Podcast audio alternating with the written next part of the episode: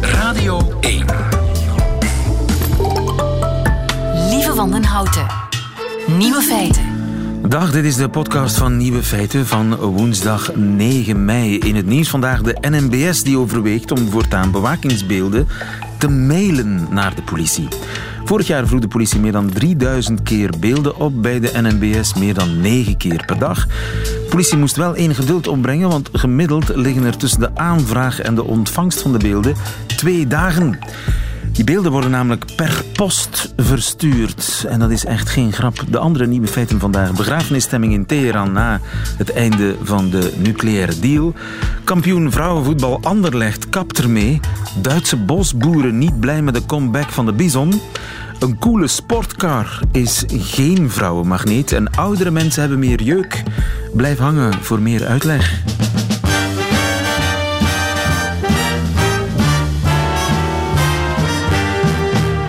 Nieuwe feiten. Therefore, I am announcing today that the United States will withdraw from the Iran nuclear deal. America will not be held hostage to nuclear blackmail. Ja, toch nog redelijk onverwacht kwam hij. Donald Trump trekt zich terug uit de Iran-deal. Goedemiddag, Thomas Erdbrink. Goedemiddag. Onze man in Teheran. Ja, ik herinner mij een feest op straat in Teheran toen de deal werd gesloten drie jaar geleden. Hoe is de sfeer nu op straat?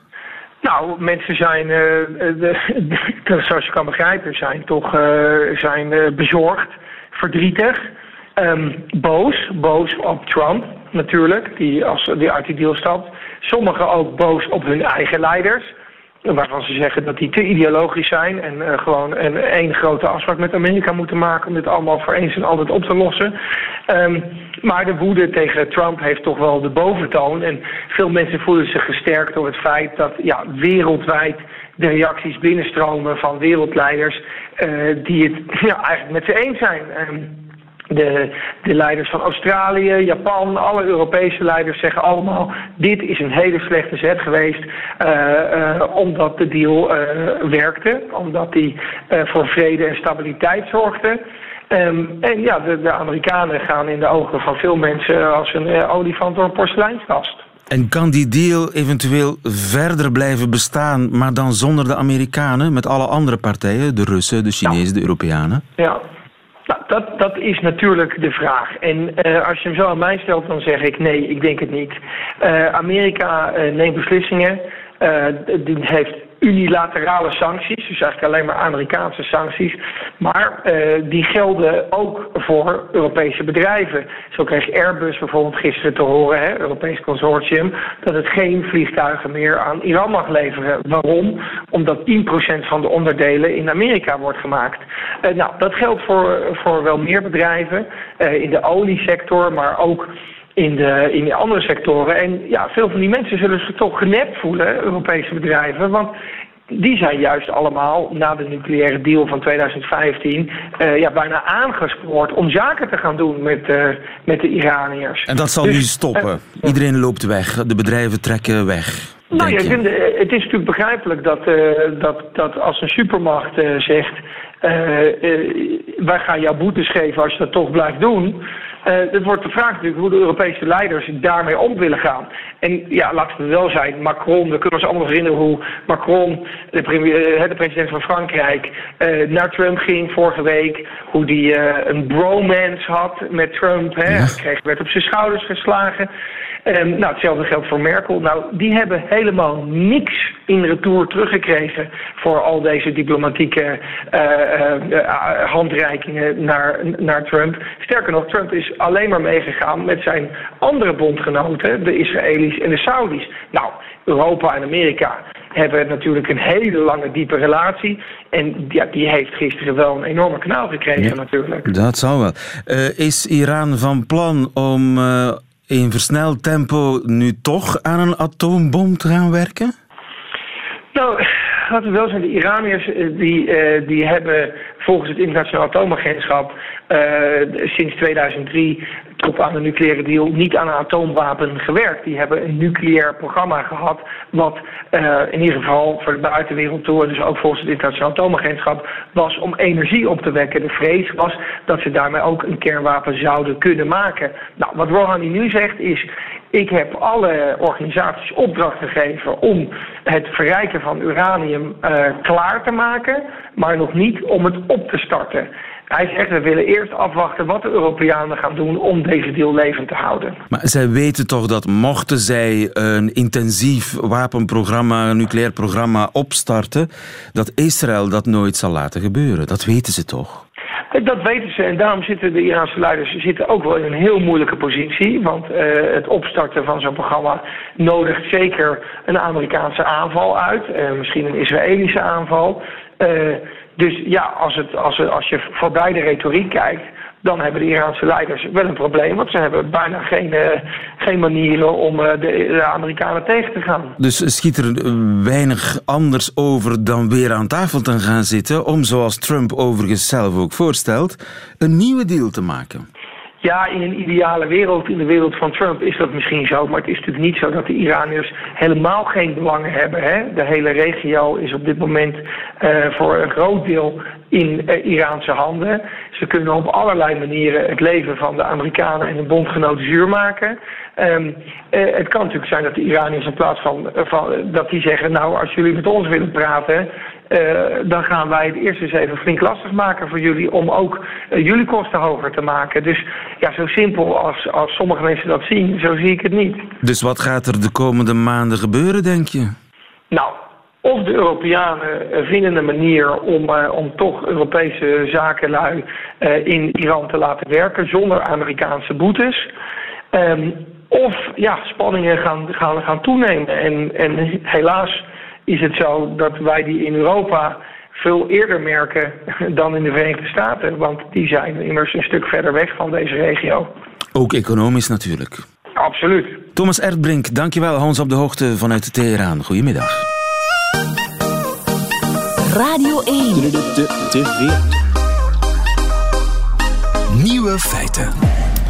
Ik heb iets niet helemaal begrepen in het uh, middagjournaal net, het nieuws van 12 uur. Kathleen Huis, helemaal op het einde, zei... Anderlecht, de vrouwenploeg daarvan, die uh, is kampioen. Mm -hmm. En ze stoppen ermee. Dat versta ik niet. Dat zou kunnen Tom ja. goedemiddag. Het zou kunnen zijn, we stoppen op een hoogtepunt. Dat zou kunnen, dat Sportza. Uh, collega Tom Boudeweel, uh, kun jij het mij uitleggen uh, wat, er, wat er gebeurd is?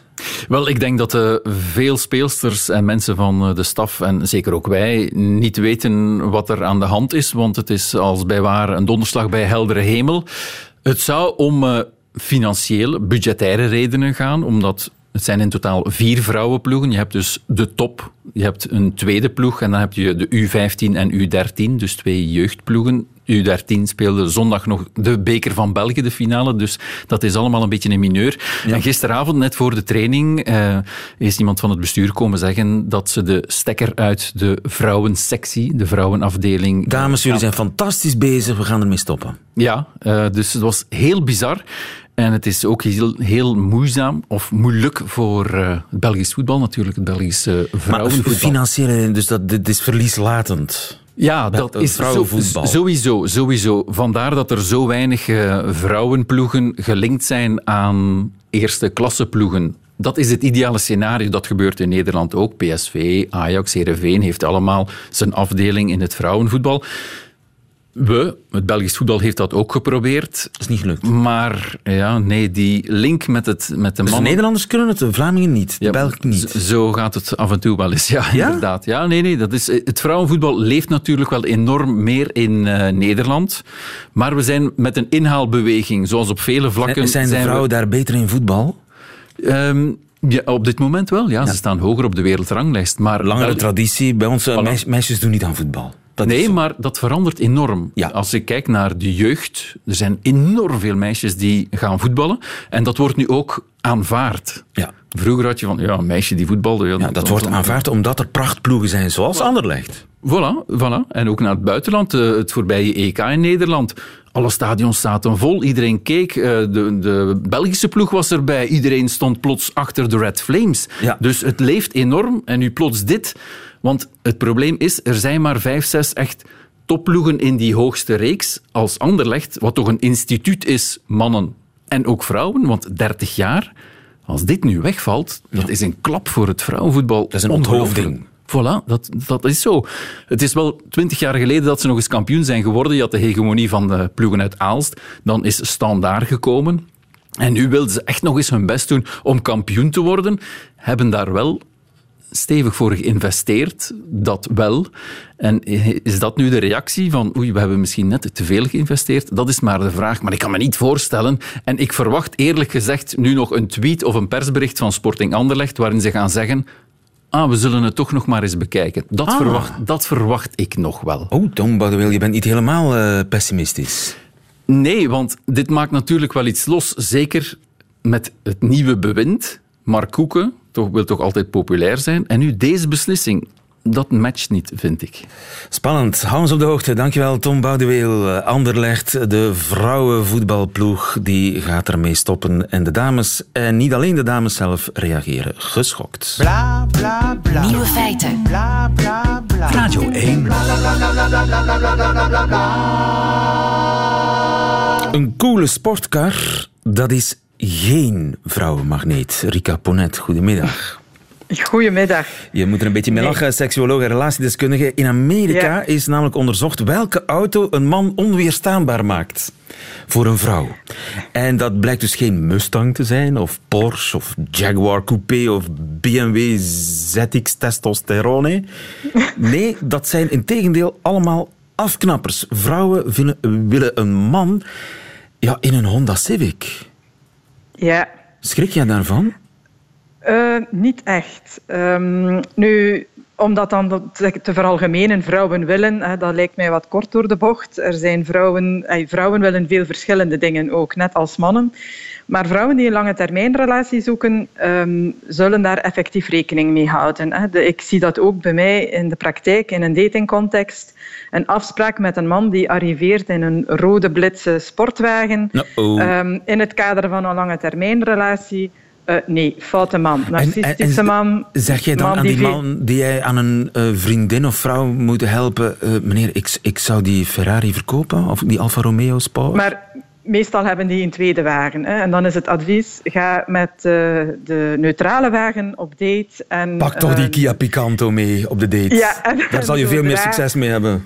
Voilà, en zodra die vrouw dan voor jou eh, gewonnen is, eh, kan je eventueel wel eens die sportwagen bovenhalen. Maar ga daar niet mee naar een eerste date. Dat zeg je echt? Dat klopt. Ja, heb ik al gezegd, effectief. Eh, omdat ik daar ook al reacties op gekregen heb die helemaal in die lijn liggen. En omdat een aantal mannen dat ook wel voelen.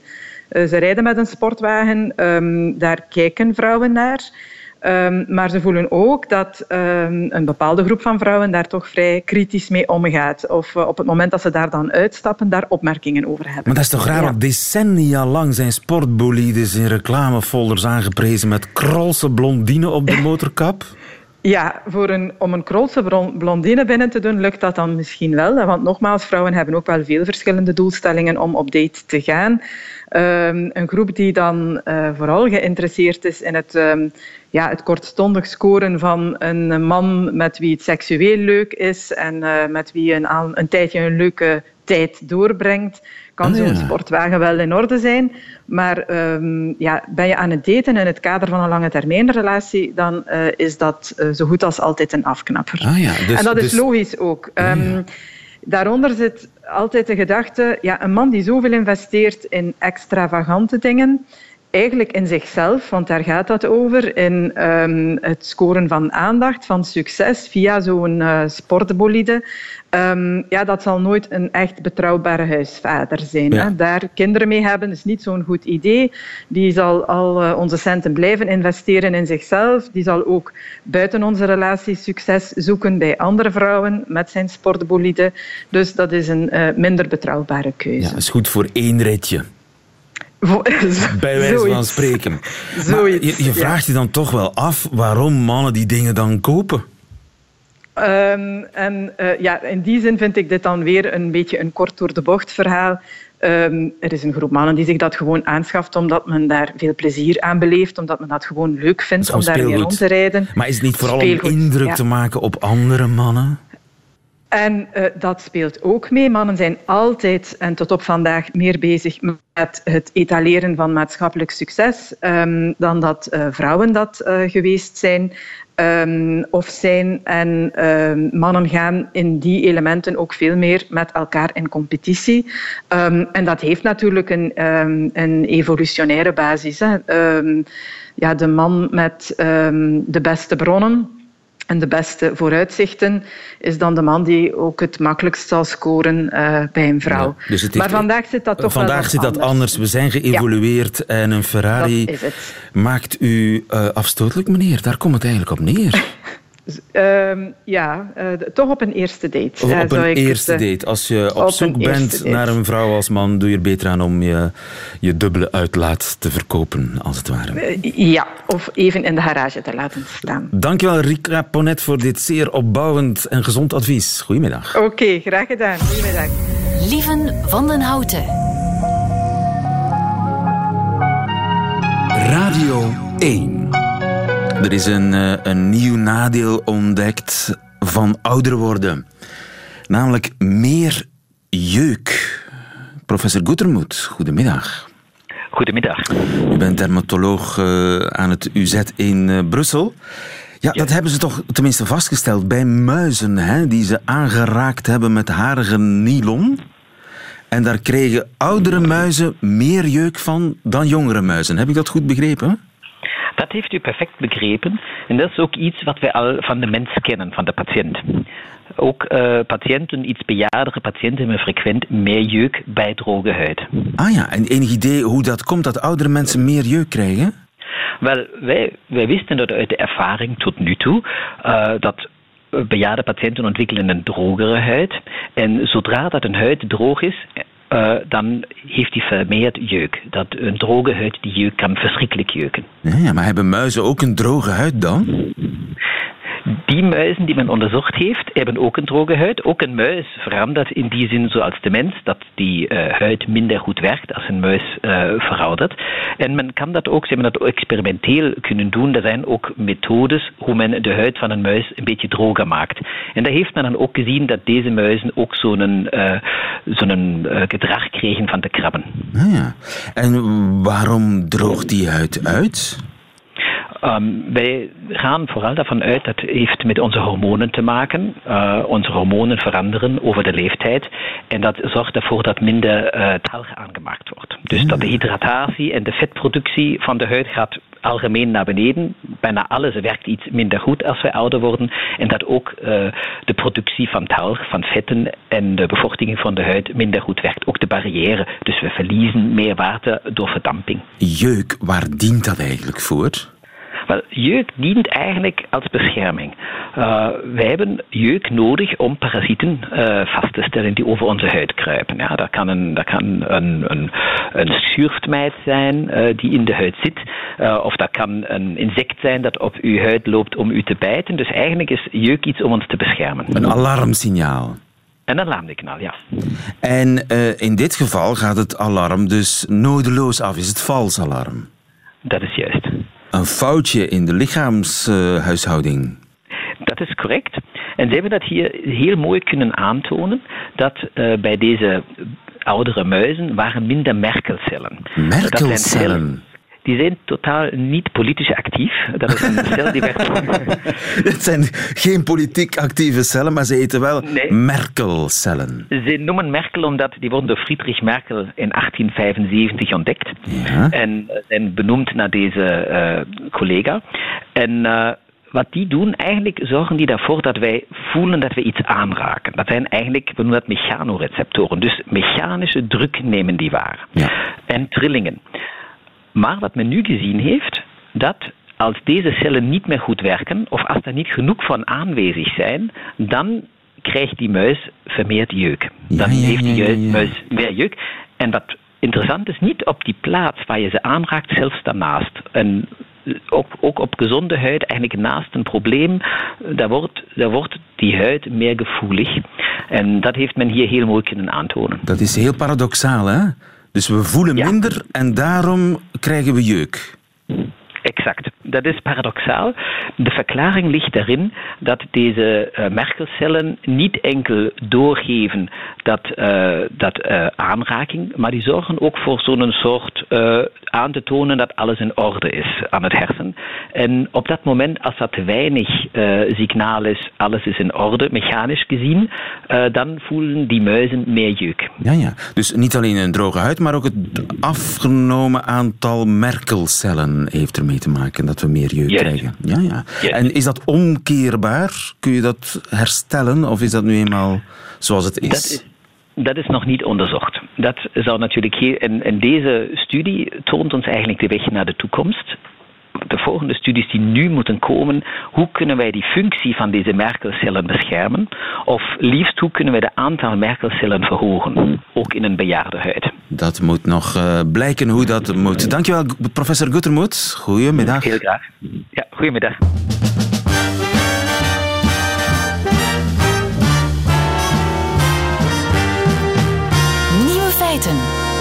In Duitsland zijn er eh, boeren niet tevreden, want het gaat volgens hen te goed met de bison. Goedemiddag, Joep. Goedemiddag.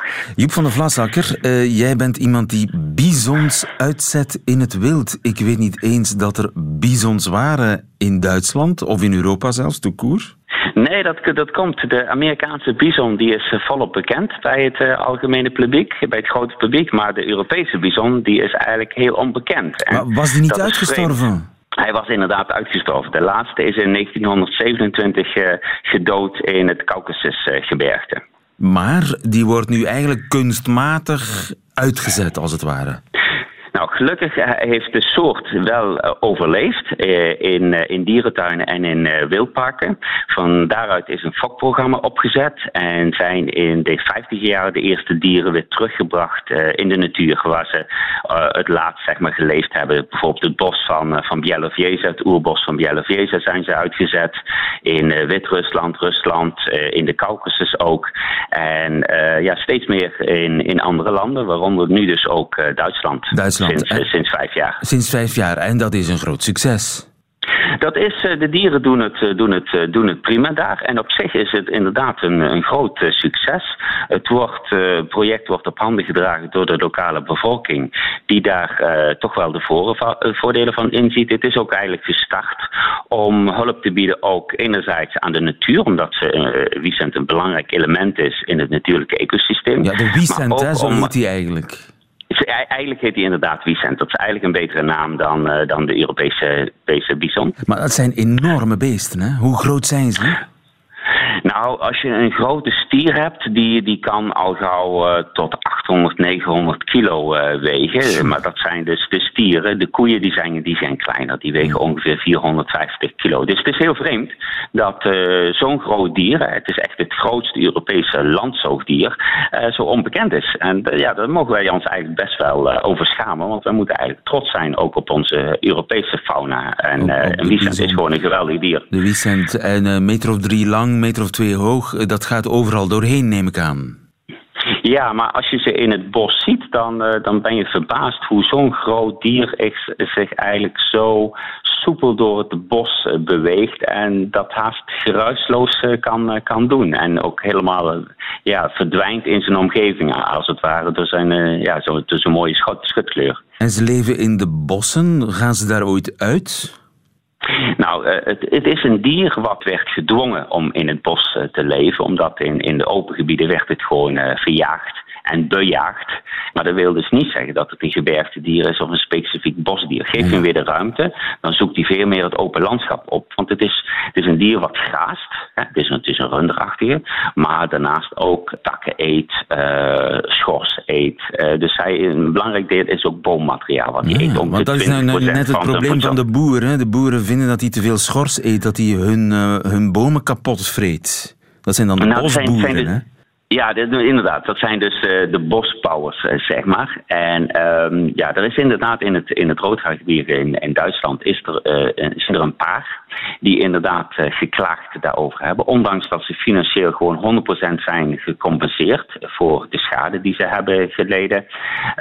ja, willen toch een, een paar, een kleine groep, die wil niet die Vicenten in hun bos hebben, hebben lopen. Ja. En dat, dat, dat is jammer. Want is jammer. ja, het, merendeel van de bevolking is gewoon een groot voorstander van een groot voorstander. te hebben. Maar, maar als je, als je een, een prachtige boswandeling maakt en je komt er eentje tegen, wat gebeurt er dan? Oog in oog met een wiesent? dan gebeurt er eigenlijk niks. Uh, een wiesent is een, uh, een, een, een, vluchtdier. Het is geen, geen roofdier. Dus het ziet een, een mens niet als prooi, maar het ziet mens veel eerder als gevaar. Dus de eerste natuurlijke reactie van een wiesent is gewoon te vluchten voor de mens. En daar zijn nog nooit pijnlijke ontmoetingen geweest met een wiesent? Nou, er zijn wel wat, wat, wat pijnlijke ervaring geweest, maar dat is allemaal terug te voeren geweest tot stommiteiten van, van mensen. En wat is een stom gedrag bijvoorbeeld? Ja, soms het gedrag is bijvoorbeeld uh, wat je hebt bijvoorbeeld in, in Oost-Europa. Daar hebben boeren hebben nog hooibergen en die staan soms in het veld. Hè. Dan nemen ze het, hooi niet mee de schuur in bij de boerderij, maar die hebben soms het op het veld staan. Nou ja, goed, in de winter is dat natuurlijk een heerlijke kost voor, uh, voor zijn wiesent. Dus die kan dan bij zijn hooiberg blijven staan. En uh, ja, dan heeft dat vaak ook nog, dat sommige gedrag vaak met alcohol te maken. Men probeert dan in, in overmoed die wiesent dan weg te jagen met een, met een hooivork. En ja, dat, dat gaat dan soms fout. Dat, ah, dat uh, beschouwt hij als een aanval en dan gaat hij in de tegenaanval? Dan gaat hij, dan gaat hij in, in, inderdaad in, in de tegen, tegenaanval. En, en dat zijn dan vaak solitaire stieren, die voelen zich uh, sterker.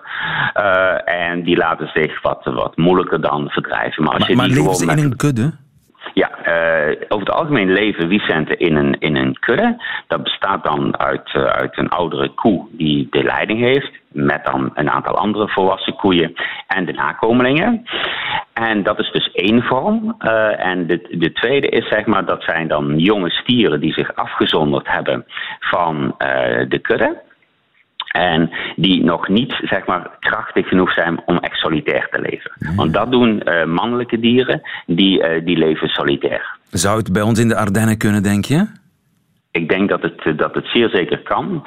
Als het in het uh, kan en het Roodhagengebier uh, ligt in uh, Noord-Rijn-Westfalen. Dat, is het meest dichtbevolkte deel van, van Duitsland. Als het daar kan, dan kan het zeker in, in, in de Ardennen. Maar er zijn Absoluut, geen plannen? Daar ben ik, ben ik van. Er zijn uh, helaas nog geen, uh, geen plannen. Uh, ik hoop dat het in de toekomst wel gaat gebeuren. Maar het, ik denk dat we ook moeten leren van dat soort projecten als het Roodhaargebirge. Dat laat zien dat die Vicent voor de mensen helemaal geen gevaar op, oplevert. Laten we hopen, de Belgische bison, dat het ooit een feit wordt dat hij ooit in onze bossen rondhost. Dankjewel Joep van de Vlasakker. Goedemiddag. Graag gedaan. Bedankt.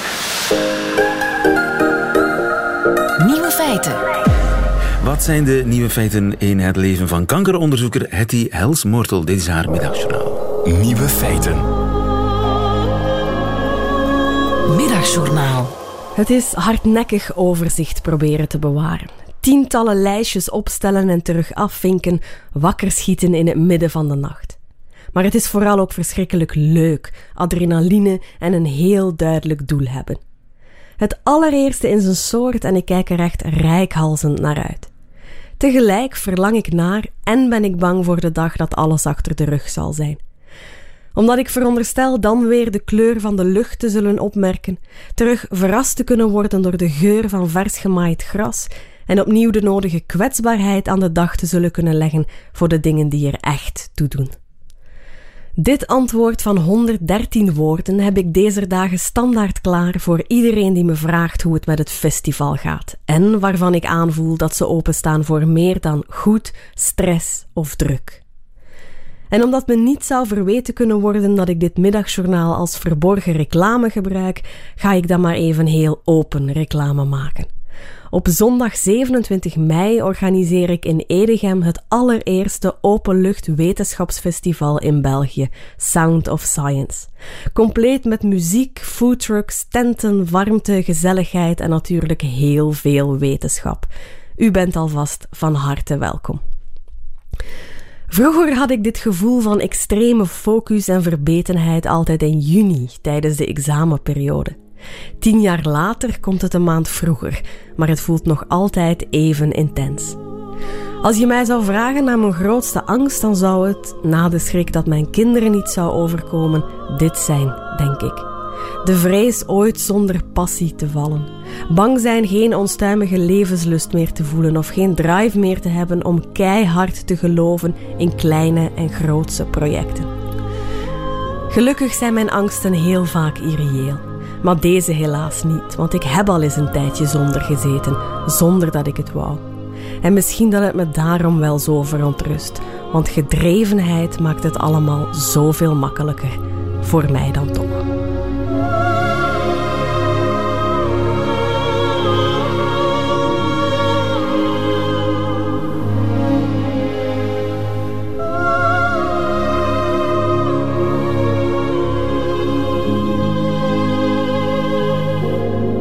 Het middagjournaal met Hetty Helsmortel, de kankeronderzoeker.